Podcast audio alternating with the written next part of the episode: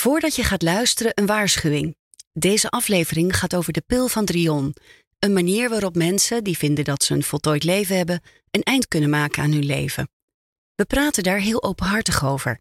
Dat kan confronterend zijn om naar te luisteren. Als je dit een moeilijk onderwerp vindt, voel je dan vrij om niet te luisteren. Of luister met iemand anders en praat er samen over na. Praten is sowieso het beste dat je kunt doen als je wel eens denkt aan zelfdoding. Dat kan met 113 zelfmoordpreventie via 0900 0113 of ga naar 113.nl. Vroeger was praten over de dood meer een taboe, maar tegenwoordig is een gesprek hierover al veel normaler. Dat gesprek voeren we in deze podcast. Ik ben Patty Lou Middeleen hier. We praten in deze serie met mensen die werken in het uitvaartvak. Wat drijft hen? Wat maken zij mee? We gaan ook op bezoek bij mensen die heel bewust met de dood bezig zijn. Deze aflevering gaat over Theo Dauma. Hij wil aan het eind van zijn leven niet te maken krijgen met een lang ziekbed. Niet met lijden. Hij gaat er niet morgen een eind aan maken, maar hij wil het moment uiteindelijk zelf kiezen.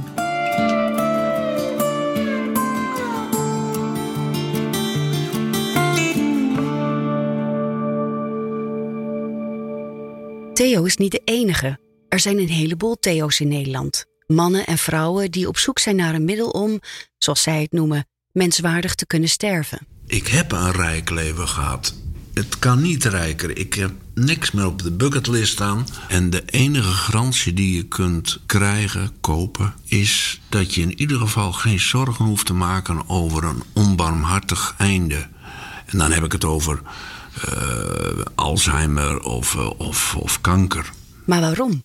Waarom zou je zelf de beslissing nemen dat het genoeg is geweest? Waarom laat je dat niet aan de natuur over? Of aan God? Of aan euthanasieartsen?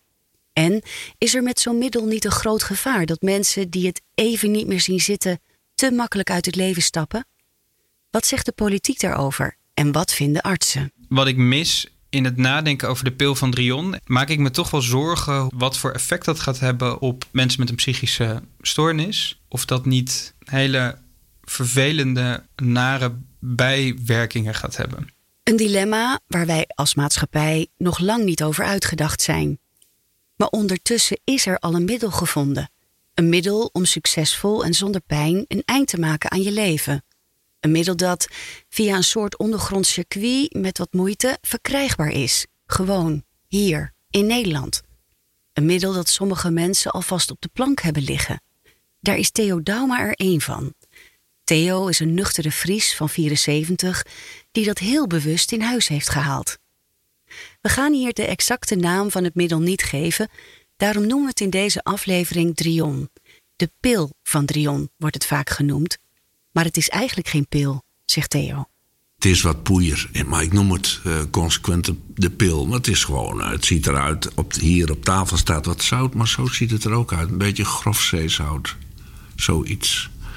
Maar je kan het ook in een capsule doen. Alleen dan.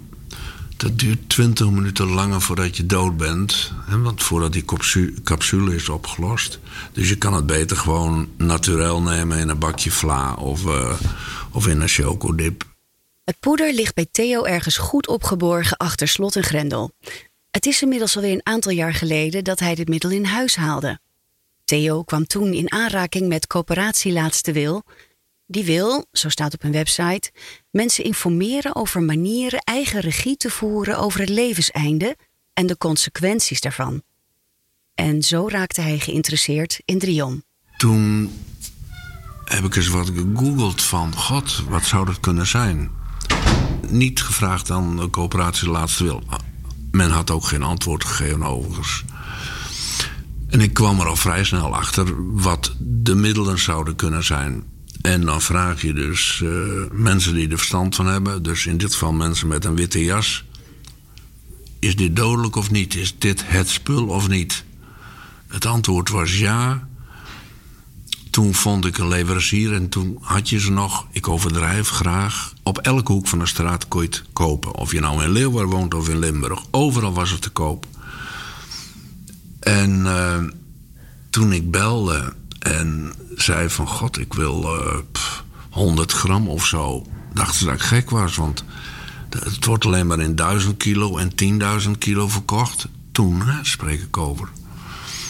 Nou, met, met veel moeite kon ik dan 200 gram krijgen. Nou hoef je maar anderhalf, twee gram of in het ergste geval 4 gram. Hangt er vanaf hoe oud het spul is. Dus op een goede dag kreeg ik 200 gram in, in mijn postbus uh, bezorgd. En toevallig zag ik de betreffende bezorger aankomen.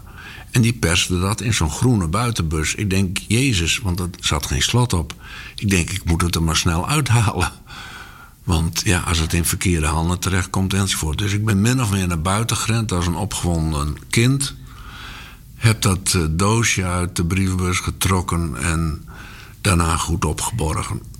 Zo makkelijk als je het poeder destijds kon krijgen, gaat dat nu niet meer. Nou, je bestelt het niet zomaar. De, de weg er naartoe is lang en zorgvuldig. Tegenwoordig begint het bemachtigen van het middel ergens bij iemand thuis in de huiskamer. Waar gelijkgestemden elkaar besnuffelen, letterlijk, een aantal maanden tot ze zeker weten: oh, er zit niet een politieagent tussen. Het zijn allemaal mensen die dezelfde opvatting hebben. En zodra je elkaar vertrouwt, dan is er iemand die zegt van nou, ik regel het spul. En het kost je, nou, de meest recente prijs van de laatste huiskamerbijeenkomst was 40 euro per persoon. Nou, en dan wordt het keurig uitgedeeld. Maar hoe komen mensen dan in zo'n huiskamer terecht? Dat is vrij eenvoudig. Er zijn twee organisaties die, de, de NVVE en de coöperatie De Laatste Wil. En je gaat naar zulke bijeenkomsten, openbare bijeenkomsten. En dan kuch je een keer van zoiets van... Goh, ik woon in, nou ja, ik woon in Leeuwarden. En zeg, god, ik heet Theo Dauma, ik woon in Leeuwarden. En ik wil wat huiskamerbijeenkomsten organiseren. Dat woord is voldoende voor die mensen. Nou, en in de pauze komen er wat mensen. Uh, uh, uh, en, en na de pauze. En dan heb je een huiskamer vol. Op die huiskamerbijeenkomsten wordt vooral veel gepraat. In het begin is het heel belangrijk dat je elkaar goed in de ogen kijkt van... kunnen we elkaar vertrouwen? En dan ontstaan er normale gesprekken met normale kopjes koffie en koekjes. En het weer komt af en toe ook aan orde. Maar vooral de kwaliteit van het leven. Uh, met alle plussen en minnen. Het zijn fantastische gesprekken. Uh, het mooiste voorbeeld: hardwerkende mensen, twee bakkerijen, uh, verkocht met pensioen, een camper. En er is maar één donkere wolk boven hun hoofd van Jezus, het loopt een keer af en dan. En die hebben nu het spul en die zijn helemaal gelukkig. Want hun onzekerheid, hun vraagteken uh, is weg. Nou, dat, die mensen hebben een nieuw leven gekregen. Dankzij het feit dat er ergens in een kluis een pil ligt. En dat ze niet afhankelijk zijn. En dat ze niet als een bedelaar moeten smeken: mag ik euthanasie? Maar dat zijn hele waardevolle gesprekken waarbij je elkaar goed leert kennen. En zodra dan, zoals Theo het zegt, alle lichten op groen staan, wordt er ingekocht.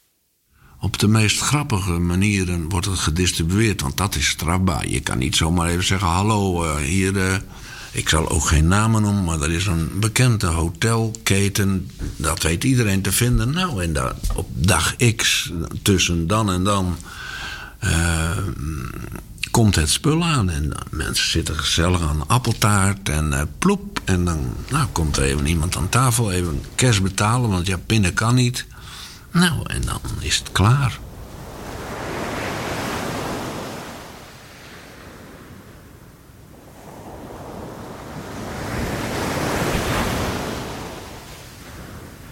Zo'n 10.000 mensen van 55 jaar of ouder zouden graag hun leven willen beëindigen terwijl ze niet ernstig ziek zijn. Dat blijkt uit de schatting van de Universiteit voor Humanistiek en het UMC Utrecht. Het rapport verscheen eind januari 2020. 10.000 mensen die een eind willen maken aan hun leven. Dat klinkt misschien veel, maar het is in feite maar een heel klein deel van alle 55-plussers. Binnen die kleine groep is er een tweedeling. Ongeveer een derde zou graag hulp bij zelfdoding krijgen. De rest wil liever zelf het leven beëindigen. Volgens Theo hebben inmiddels heel veel mensen de pil van Drion in huis. De grote vraag is: waarom? Omdat ik volkomen gelukkig ben met mijn leven. En daar ook geen cent van wil inleveren. Ik ben 74. Ik heb echt een achterlijk mooi leven gehad. In, in ieder opzicht. Er is natuurlijk van alles gebeurd. Eh, ik heb best wat blauwe ogen gehad. Net zoals iedereen. Alle luisteraars die, die moeten dat herkennen. Maar ik ben heel erg blij met een compleet leven. En als dat voltooid is, dat woord is niet onbelangrijk, ja, dan, dan is er ook geen aarzeling. De enige garantie die je kunt krijgen, kopen, is dat je in ieder geval geen zorgen hoeft te maken over een onbarmhartig einde. Dat betekent dus niet dat Theo het middel morgen of overmorgen opeens inneemt. Hij vindt zijn leven weliswaar nu al voltooid, maar hij wil ook nog even door. Tot hij ziek wordt. Dat is voor hem het moment. Kijk, ik ben 74, zeg ik nu voor de tweede keer. Dus je zit al aan de verkeerde kant van de streep. De grootste pret heb je gehad. Je bent, uh, nou, je bent aan de beurt. Binnen een afzienbare termijn. Bovendien rook ik ook nog als een gek. Dus uh, leven door lol. Uh, en op het moment... En ik ken ook maar twee voorbeelden. Hè, dat Alzheimer verhaal en kanker als ik kanker krijg, doe ik niet meer mee. Ik, ik ga absoluut, ik laat me niet behandelen, ik ben niet gek. En ook bij Alzheimer zou Theo ervoor kiezen om bij tijds uit het leven te stappen. Maar er zijn ook mensen die in een andere categorie vallen. Er is ook sprake van een voltooid leven als je veel jonger bent. Theo kent zo iemand, een man van 35. En die heeft me echt overtuigd zonder dat hij zijn best deed om mij te overtuigen. Maar ik heb uren met hem gesproken. Die heeft een voltooid leven gehad. Want die wil niks anders dan dood. Daar heeft hij me uitgebreid over verteld. Ik weet alles over zijn familie en over de reactie van zijn familie. Maar die heeft absoluut, en die is nog maar 35 jaar, een voltooid leven. In de gesprekken die Theo voert in de huiskamers komt hij ook veel echtparen tegen. Bijna allemaal. Die willen dan ook gelukkig samen dood. Jazeker, dat is een hele belangrijke wens. Dat merk ik ja, samen.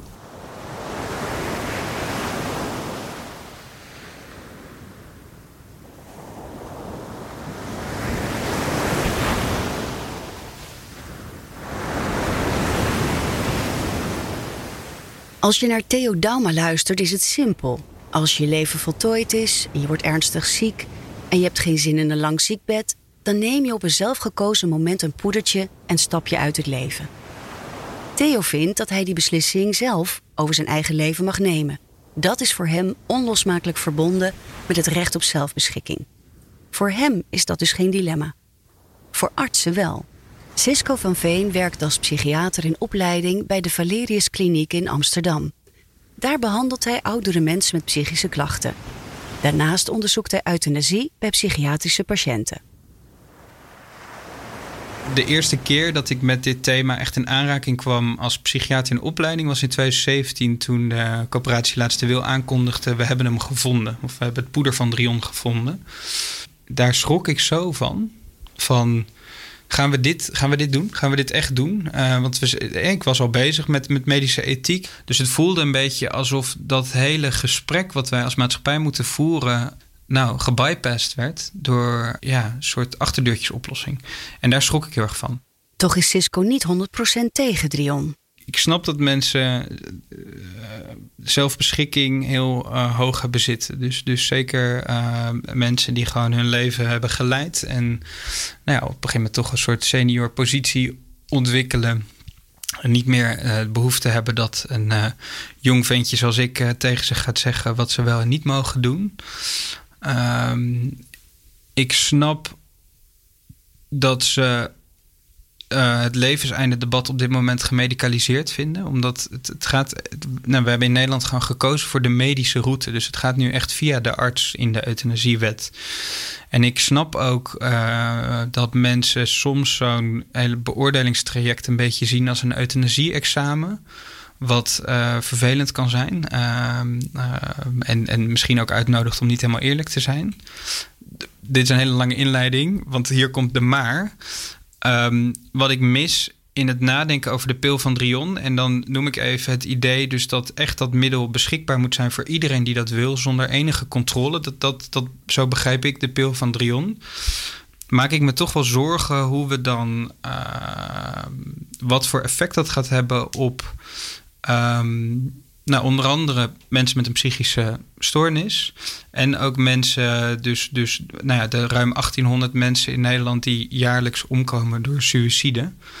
Um, of dat niet um, hele vervelende, um, nare bijwerkingen gaat hebben.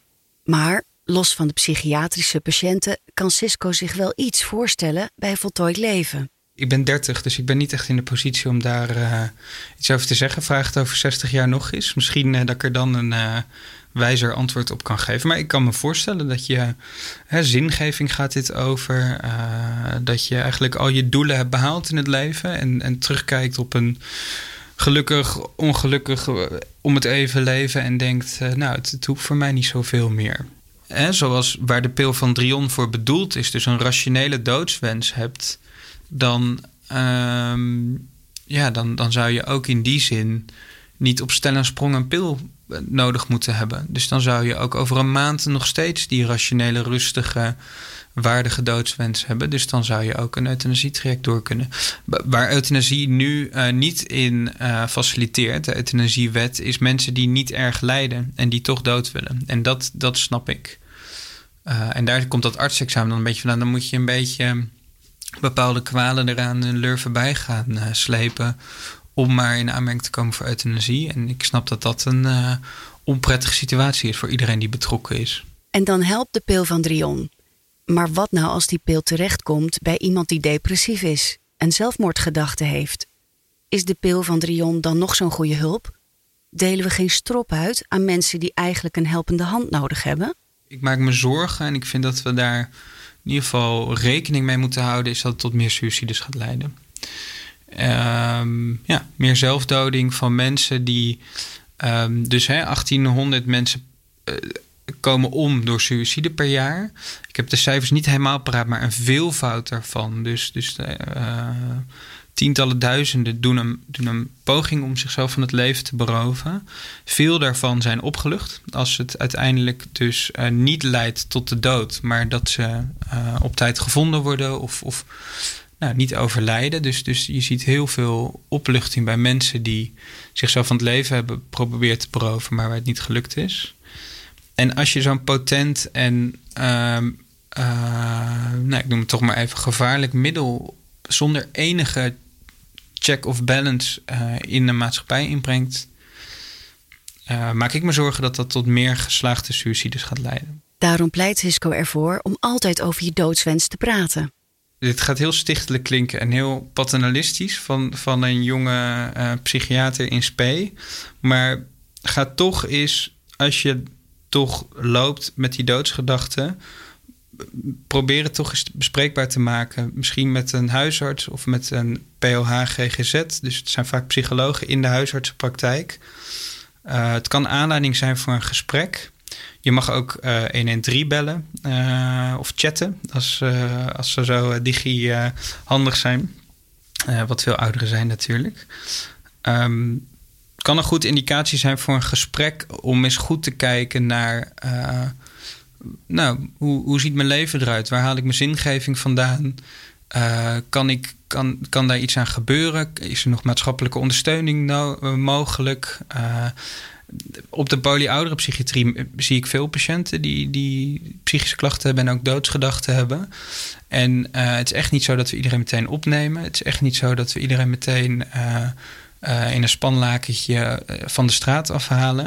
Het is vaak gewoon een begin van een gesprek. En in mijn optiek is er best wel vaak nog het een en ander mogelijk. Terug naar Theo. Die vindt juist dat de pil van Drion breder beschikbaar moet komen. Niet zonder goede controles uiteraard, maar netjes geregeld in de Nederlandse wet. Nou, zolang de pil van Drion er nog niet is, is het leven niet volmaakt. En dat klinkt wat gek, is het einde van het leven niet volmaakt. Het, het gaat heel gebrekkig. Euthanasie krijg je niet zomaar. Of een arts zegt, hou op, dat doe ik niet. Dat mag natuurlijk, dat is haar of zijn grootste recht. Theo spreekt ook met artsen over het dilemma.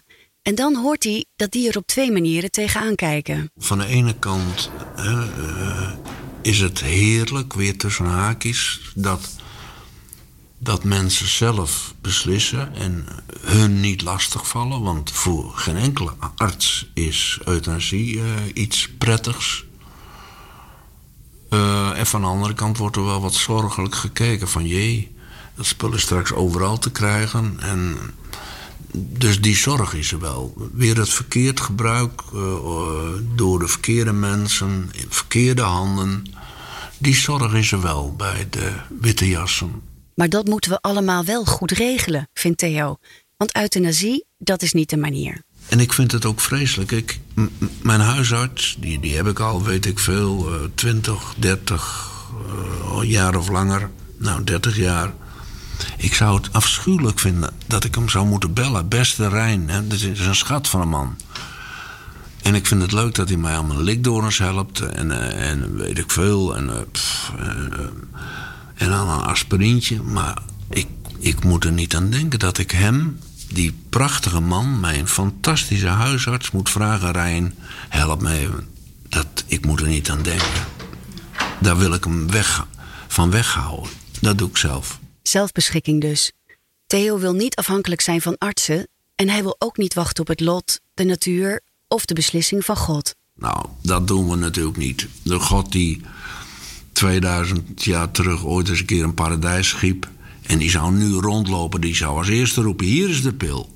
Dat is een barmhartige God. Dat is niet de God die zegt: Nou, uh, ga maar eens vrolijk uh, lang ziek worden en en tot je sterft in het stikken, want de, want de dood is, is afgrijzelijk. Nou ja, fijn, daar hoef ik verder niets over te vertellen. Maar doodgaan is niet leuk. Ik heb het over mensen die ziek zijn, die ongeneeslijk ziek zijn. Nou, dat is niet grappig. Dus die God zou als eerste, hè, dat zou dan, die zou een witte jas aantrekken. Zeggen: Hé Piet, hier is uh, de pil.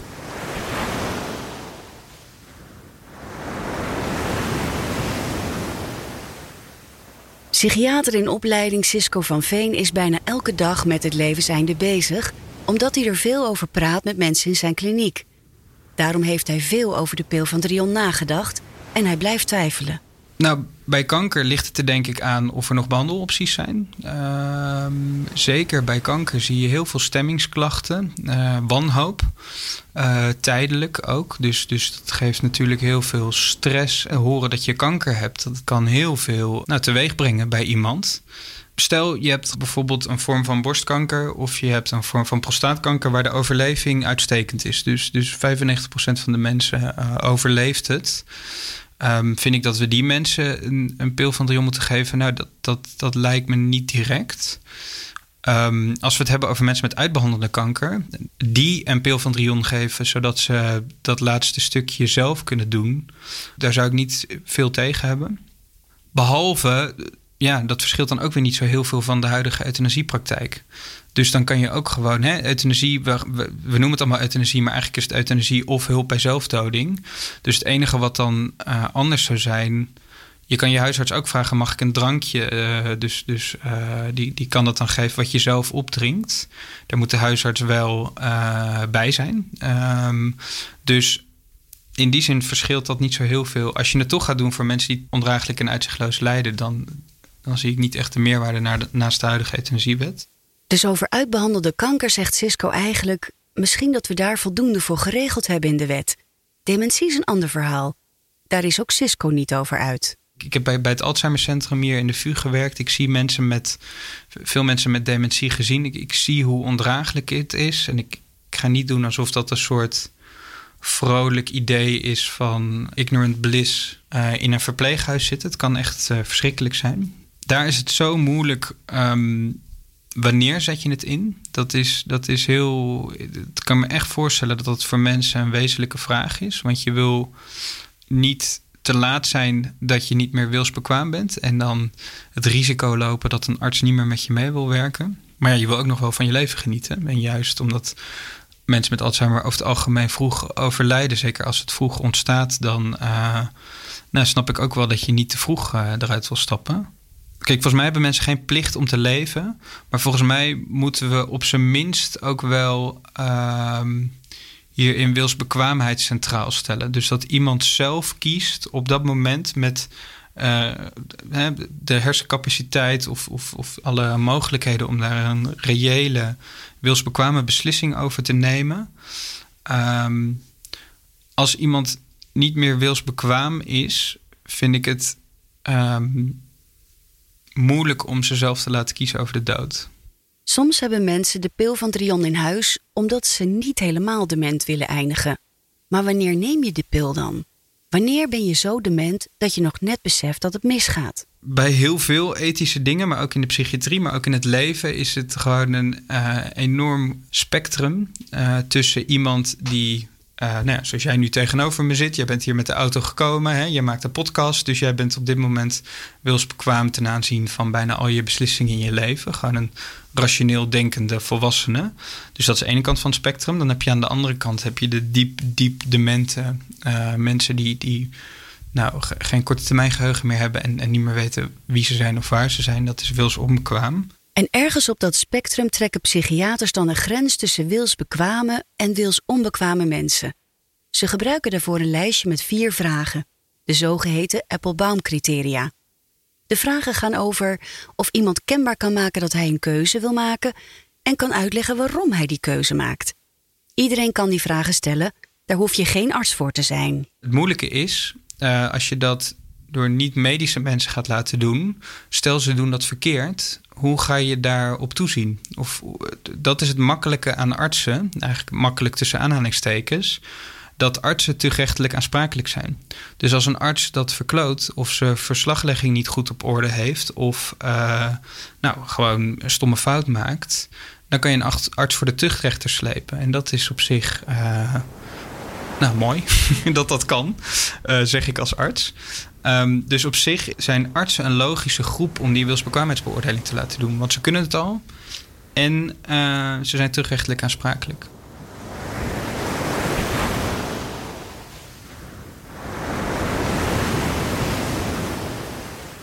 Maar waar staan we dan nu? De artsen zijn volop met de vraag bezig. Ze denken hard na over euthanasie, hulp bij zelfdoding, de pil van Drion, maar ook het voorkomen van zelfdoding. En we begrijpen ook allemaal dat het voor artsen heel moeilijk kan zijn om iemand te helpen iemands leven te beëindigen. Aan de andere kant hebben we mensen als Theo, die van plan zijn om een middeltje te nemen als het moment daar is. En dat moment bepalen ze graag helemaal zelf. En dat middeltje is er gewoon al. Je kunt eraan komen als je zou willen. Wordt het dan niet tijd om hier officiële wetten en regels voor te maken? Theo vindt van wel. Als het spul natuurlijk in verkeerde handen terechtkomt, dat, dat vind ik vreselijk. Maar dat is techniek, dat moet worden bewaakt. Je kan niet iemand, uh, en die, die ben ik wel tegengekomen, wat jongere mensen, waarvan ik de indruk kreeg dat ze deze week erg depressief zijn, maar volgende, volgende week misschien wel staan te swingen. En daar moeten we zoveel mee zijn. Dus de veiligheid van het product en de verkrijgbaarheid en het bewaren, dat moet heel erg streng worden aangepakt. Bij mij staat de telefoon niet stil en mijn computer staat ook niet stil. Dus de decision makers zouden eens een keer. Ik, het gebeurt niet, want ik laat mensen niet meelezen. Maar die moesten eens weten wat er gebeurt. De behoefte, de nood is zo hoog. Dus die pil die moet er komen. Als de donder ik, ik vind het moeilijk. Ik, ik ben op zich uh, blij dat het niet nu breed verkrijgbaar is. Dus dat het in een soort niche nu uh, rondgaat. Dat beschermt misschien enigszins een groep kwetsbare mensen die uh, nu niet daarover nadenken. Maar ja, het is ook wel weer zorgelijk dat het nu dus niet controleerd, gereguleerd, besproken kan worden. Dus dat, nou, dat is een beetje dubbel. Nou, eigenlijk is het het einde van de discussie. Dus dat, dat, dat, is, dat is waar ik me het uh, zorgen om maak. Want we hebben een discussie, uh, namelijk over het levenseinde. Daar, daar kan je heel veel over vinden. Uh, al dan niet op basis van religieuze overtuigingen. zelf heb ik dat niet, maar maak ik nou, maak me toch zorgen om bepaalde vormen van, van euthanasie. En door te zeggen, nou weet je wat, we stoppen met praten, we regelen het zelf wel. stop je het gesprek. En ik denk dat dat gevaarlijk is. En hoewel ik zeker bijvoorbeeld euthanasie voor terminale kanker sta ik, sta ik volledig achter, uh, heb ik zoiets van ja, hallo, als we het zo gaan doen, uh, ja, daar heb ik wel moeite mee. Dus, dus als ik mezelf toch op het spectrum zou moeten plaatsen waar ik sta van euthanasie, zou, zou ik mezelf wel aan de gematigd liberale kant zien. Maar ik, ik word wel een beetje de conservatieve hoek ingeduwd door, nou, door, door deze vlucht naar voren.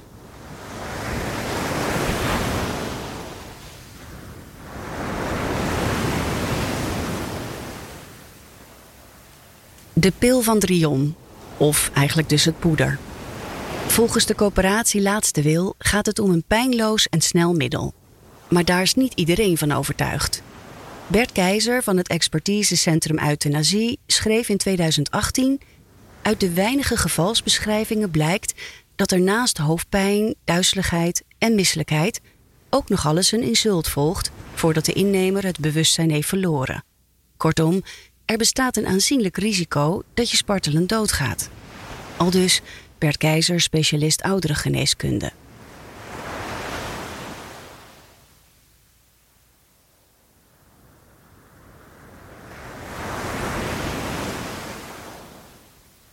Als ik zeker weet dat iedereen slaapt, dan, dan neem ik die pil. Hoe, hoe gaat het dan? Ja, ik denk dat ik volkomen. Dat ik er nu al verzoend mee ben. Als ik morgen van de trap af flikker en ik breek mijn heup, dan wil ik heus nog wel drie maanden in een rolstoel fietsen. Dat, dat vind ik allemaal nog wel grapsig, maar we gaan niet lijden. We gaan niet echt Alzheimer of kanker beleven. Dat doen we dus niet. Het klinkt wat lullig, geloof ik, en pedant om te zeggen: ik ben een evenwichtig persoon, niet verward. Maar zo is het wel. Nee, dus ik ken geen twijfel. Je twijfelt altijd en je kijkt altijd in de spiegel en je, je kijkt links en rechts van doe ik iets goed? Is dit de juiste beslissing? Van wat dan ook. Maar over dit, nee, nee. Never, never.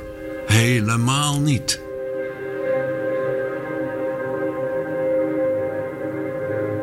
Je geeft een groot feest.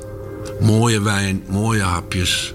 Lang leven het leven. Uh, en ik denk wel, maar ik kan nu geen namen noemen, maar ik denk wel dat ik een paar hele goede vrienden vertel van oké, 11 augustus uh, om een uur of tien moet je even niet in de buurt zijn, want dan, uh, dan maak ik er een einde aan. Ja, ik denk wel dat ik dat doe.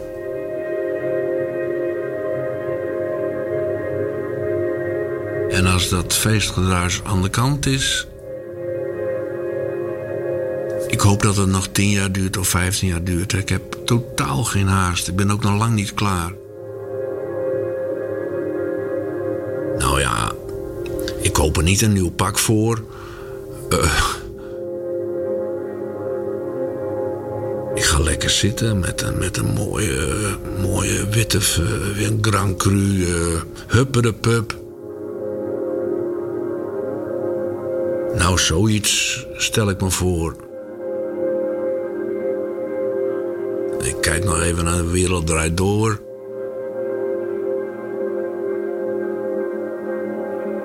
Dan kies je een aardig moment uit.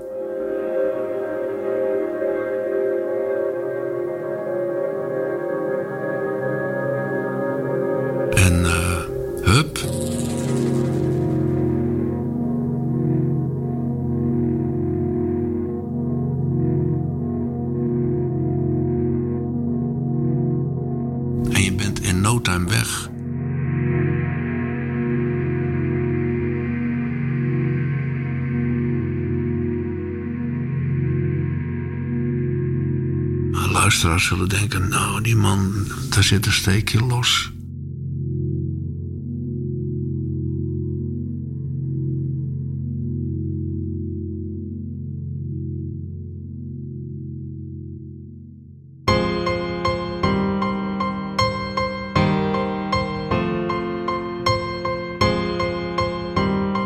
Denk jij aan zelfdoding of maak je je zorgen om iemand anders? Bel 0900 0113 of chat via 113.nl. En daarmee zijn we helemaal aan het einde van aflevering 6. Heb je een vraag over deze aflevering? Neem dan contact op met ons via Instagram, Twitter, Facebook of e-mail. Je vindt alle links in de show notes. Dat is de tekst bij deze aflevering in je podcast-app. In die show notes vind je ook de links naar meer informatie over de onderwerpen in deze aflevering. Of ga naar onze website helemaal aan het einde.nl. Daar staat alles overzichtelijk bij elkaar. Heeft deze aflevering je geïnspireerd of geraakt? Schrijf dan een review bij Apple Podcast of laat een rating achter. Of als je luistert via Spotify, deel de aflevering. Dan help je anderen om deze podcast te ontdekken. Vergeet niet om je gratis op deze serie te abonneren met de subscribe of abonneerknop. Dan verschijnen nieuwe afleveringen automatisch in je podcast-app.